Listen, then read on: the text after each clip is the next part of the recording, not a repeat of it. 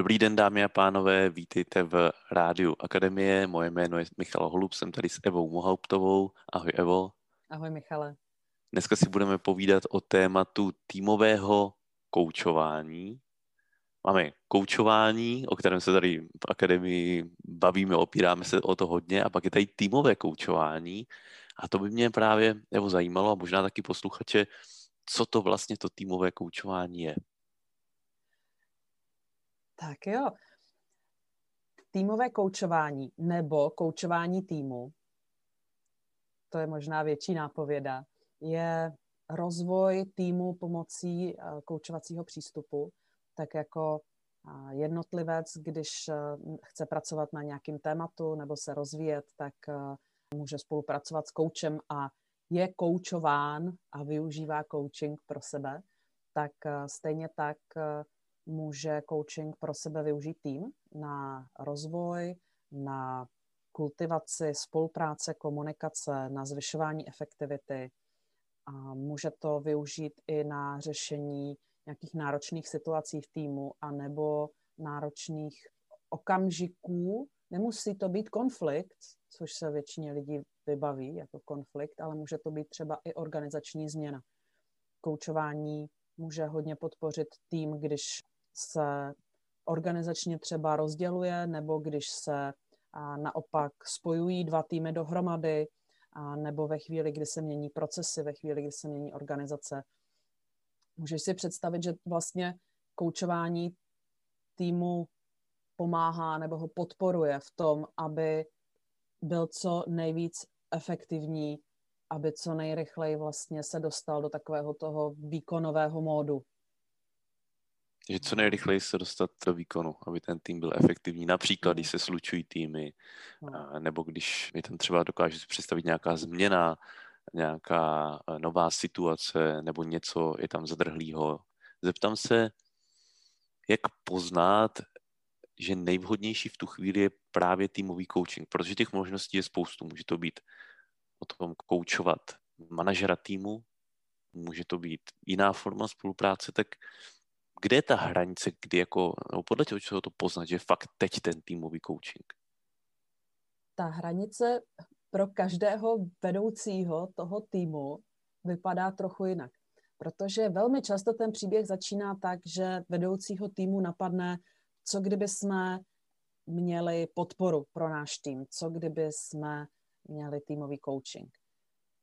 Někdy to setkání vedoucího a týmového kouče vypadá přesně tak, jak ty teď mluvíš o té hranici, takže se spolu baví o té hranici. Ve chvíli jako týmový kouč, eh, když jsem oslovena, tak se bavím o tom, v jaké situaci je ten tým, v jaké situaci je vedoucí.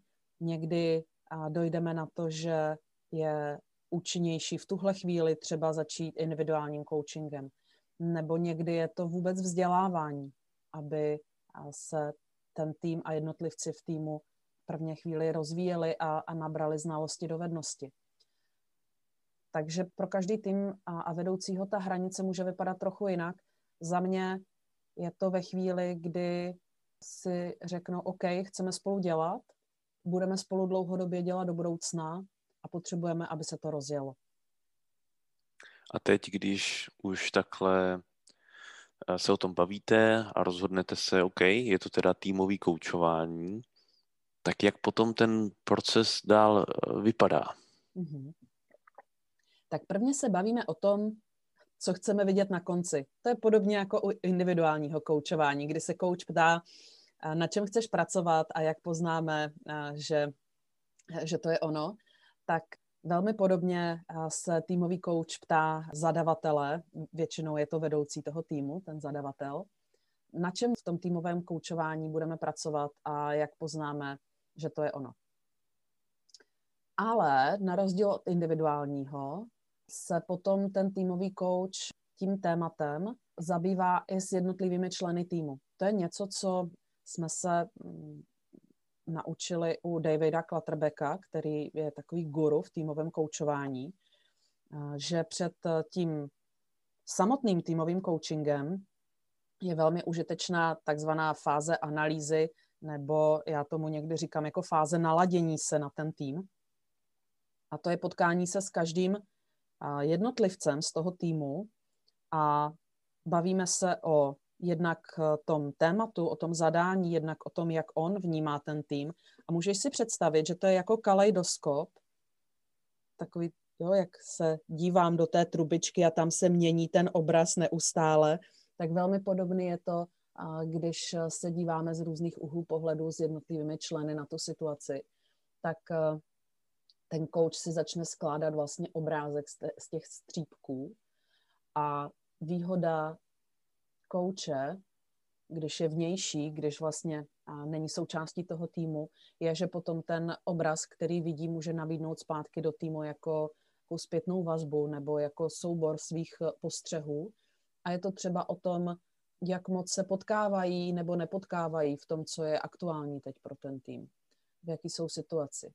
A jaká je kultura toho týmu, to se dá vlastně z toho vypozorovat jakým způsobem se dívají na vztahy a na efektivitu toho týmu jednotlivci. Ono to vypadá, jako kdyby, jak jsou takový ty vtipy o konzultantech, že přijdou a jenom zjistí to, co si lidi mezi sebou povídají, tak není to jenom zjistit, co si lidi povídají a co si lidi myslí, ale je to vlastně určitá mapa kultury toho týmu, kdy ten týmový coach je trénován v tom, jak rozpoznat fáze týmu, kulturu toho týmu a jak to nabídnout zpátky jako určité doporučení, zpětnou vazbu, takovou reflexi toho, co zjistil. A z toho jsou taky doporučení, na čem doporučuje, že je potřeba začít pracovat, protože někdy není úplně jasný, čím to začíná. Jestli budeme pracovat prvně na cíli, nebo jestli potřebujeme prvně pracovat na vztazích. U začínajících týmů je to začít pracovat vůbec na tom, aby se líp poznali a aby začali pracovat spolu. Takže v každém týmu je to trochu něco jiného. Mm-hmm. Teď, když jsi o tom mluvila, tak mě tam z toho vystoupily hodně ty uh, fáze toho týmu a mohla by si tady o tomhle mluvit trošku víc? Já si dovedu jako představit, že třeba se tým zasekne v nějaký fázi, ale bylo by užitečné, aby šel do nějaký další fáze. A, a teď, eh, když by si jenom mohla zmínit ty fáze toho týmu, aby posluchači věděli, aby získali tady tuhle znalost a třeba pak zjistili, ty jo, ty já tady potřebuju jít do další fáze a vlastně proto mě to drhne. Fáze týmu, tak jak je popsal Takmen, tak eh, Začíná to formováním týmu, začíná to vůbec identifikací, kdo do týmu patří a kdo, a kdo je součástí, co je cílem, jaká je moje role, takové jako usazování v tom týmu. Ono to vypadá, že to je přece jasný na začátku. Někdo mi řekne, seš v tomhle týmu a je to. A na druhou stranu jsou témata v týmech i jestli tam opravdu patřím nebo nepatřím, jestli mi ten cíl dává smysl jestli s těma lidma, se kterými tam jsem, mi dává smysl eh, spolupracovat. Případně se tam začnou vytvářet nějaké koalice, nějaké, nějaké podcelky v tom týmu a jakým způsobem s tím zacházet, jestli je to užitečné, jestli to pomáhá na efektivitě toho týmu, tak to všechno do, patří do té úvodní části. No a potom je, a to kdo to nezažil, tak si jenom neuvědomuje. Kdo si myslí, že to nezažil, tak si neuvědomuje, že to zažil. A pak je bouření, což je velmi jednoduše popsaný, ale může se to projevovat velmi různě. A ta podstata té druhé fáze je, že se v týmu začnou víc projevovat názory. Že se vlastně jako usadíme, už se známe a začneme mít větší odvahu, což je super, větší odvahu říkat, že třeba s něčím jsme nespokojení, nebo že by něco mělo být jinak, nebo že mě něco napadá a chtěla bych eh, třeba něco inovovat nebo něco rozšířit, něco tvořit. No a s tímhle vyjadřováním názorů samozřejmě přichází nezhody, eh, přichází nesouhlasy, přichází nespokojenost. Je to taky určitá fáze deziluze, a že ve chvíli, kdy lidi vstupují do týmu, tak většinou mají podobně jako třeba do partnerského vztahu no, tak mají takovou jako iluzi, jak to bude krásný, úžasný. A tak uh, partnerském vztahu taky potom zjistíme, že ne všechny minuty a ne všechny okamžiky jsou úplně tak zázračný, jak jsme si je představovali. A úplně stejně tak v tom týmu se jako narazí na, na realitu, nebo že něco nemůžeme, na něco nedosáhneme. Takže to vytváří různé emoce. No a je super, když v tomhle období se eh, lidi v týmu učí s tím pracovat tak, aby se neumlčela ta eh, různost, aby se neumlčela tvořivost, aby se neumlčelo to, že říkám svůj názor a zároveň, aby se kultivovalo to, jak to říkám, že se vlastně v té fázi tým učí, jak říkat svůj názor, abych třeba nevybublala v emocích, nebo abych někoho neurazila, nebo aby si to někdo nebral osobně, když s ním ten druhý nesouhlasí. Takže je to krásná učící fáze, taková dynamická. Zároveň bohu dík za ní, protože ve chvíli, kdy nenastane, tak eh, většinou je v týmu veliký mlčení a, a příliš velká jednota, příliš eh, velké odsouhlasování. A to je vlastně velká škoda, protože v tu chvíli ten tým ztrácí velký potenciál. Proč vůbec týmy vznikají? Aby byla různost, aby byla tvořivost, aby byly různý názory, které, když se dají dohromady, tak jsou víc než ten jeden. Hmm, toto zmiňuješ je hodně důležitý.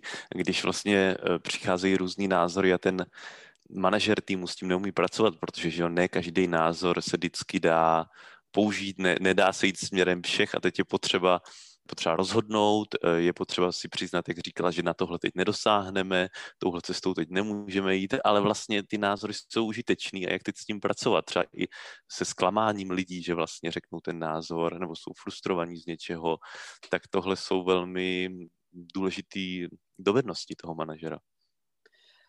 Teď si nazval něco, co je velmi užitečný v tom procesu týmového koučování, když třeba v téhleté fázi má vedoucí ještě svého individuálního kouče, s kterým může řešit, s kterým může pracovat na tom, aby tuhle fázi ustál.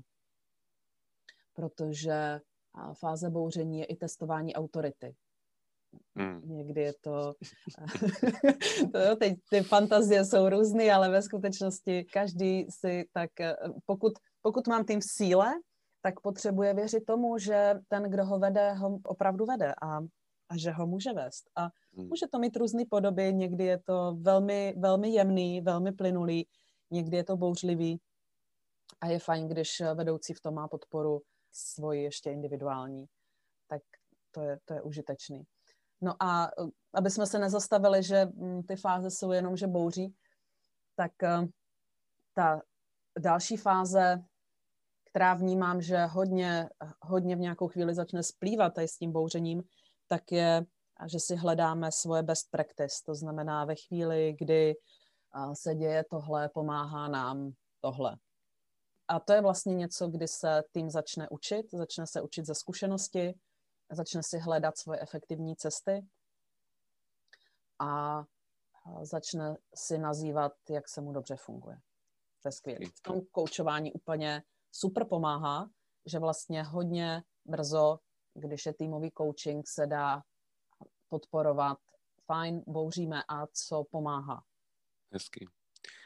Taky mě ještě napadlo, protože se Zdenkem jsme natáčeli podcast o tom, jak přebrat, úspěšně přebrat nový tým, že to může být i podpora pro uh, manažera, který třeba je nový manažer uh, a přichází z týmu nebo přichází úplně od a přebírá ten tým. Tak si říkám, že možná i pro tyhle případy je to týmový koučování taky vhodný nástroj.